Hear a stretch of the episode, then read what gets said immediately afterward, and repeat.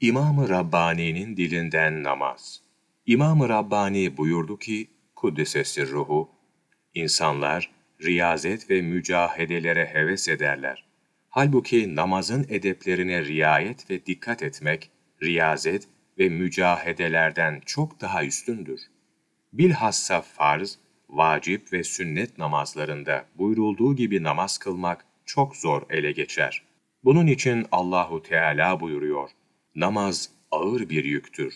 Ancak kalbinde huşu olanlara ağır gelmez. Cahil sofiler, zikre, fikre sarılıp farzları ve sünnetleri yapmakta gevşek davranıyorlar. Kırk gün çile çekmeyi ve riyazetler yapmayı beğeniyor, cuma namazına ve cemaate gitmiyorlar.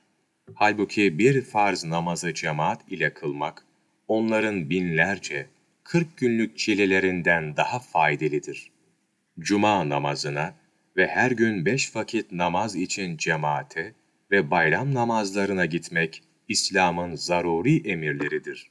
Bize bu nasihatlerde bulunan İmam-ı Rabbani, Kuddise Sirruhu, kendi hayatlarında da bu konularda oldukça titiz davranmıştır. İmam-ı Rabbani, abdest aldıktan sonraki iki rekat namazı ve camiye girince, hürmeten kılınan iki rekatı terk etmezlerdi.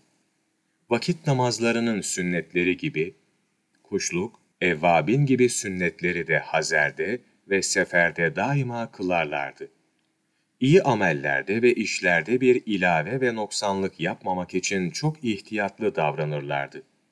Teravih namazı hariç hiçbir nafile namazı cemaatle kılmazlardı. Hatta nafile namazları cemaatle kılmak mekruhtur derlerdi.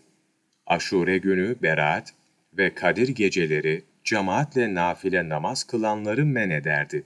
Hatta bu hususta fıkhın en kuvvetli rivayetlerini bildiren bir mektup yazmışlardır. İstihare ederek iş yaparlardı. Az veya çok mühim olan işlerde muhakkak istihare ederlerdi.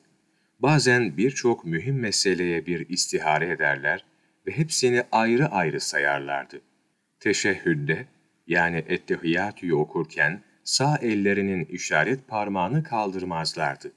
Yalnız başlarına nafile namaz kıldıkları zaman rükûdaki ve secdedeki tesbihleri 5, 7, 9 veya 11 defa okurlardı. Haşimi Kışmi, Berekat, sayfa 278, 13 Ekim Mevlana takvimi